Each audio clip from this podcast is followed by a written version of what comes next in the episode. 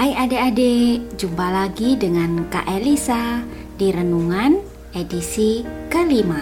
Hari ini kita akan merenungkan firman Tuhan dari Matius 2 ayat 2. Di manakah dia, raja orang Yahudi yang baru dilahirkan itu? Kami datang untuk menyembah dia. Adik-adik, orang-orang Majus melihat sebuah bintang. Mereka menanggapinya sebagai tanda dari Tuhan.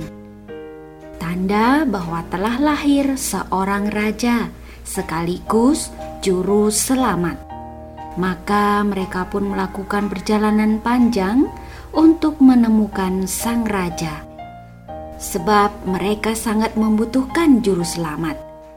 Pasti Tuhan senang melihat mereka mencari Yesus.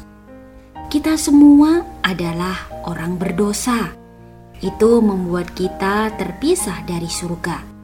Itu sebabnya kita sangat membutuhkan juru selamat.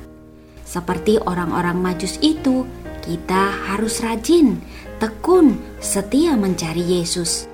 Yesus senang jika kita mencarinya, dan Dia akan memberi keselamatan pada kita. Nah, sekarang yuk kita berdoa.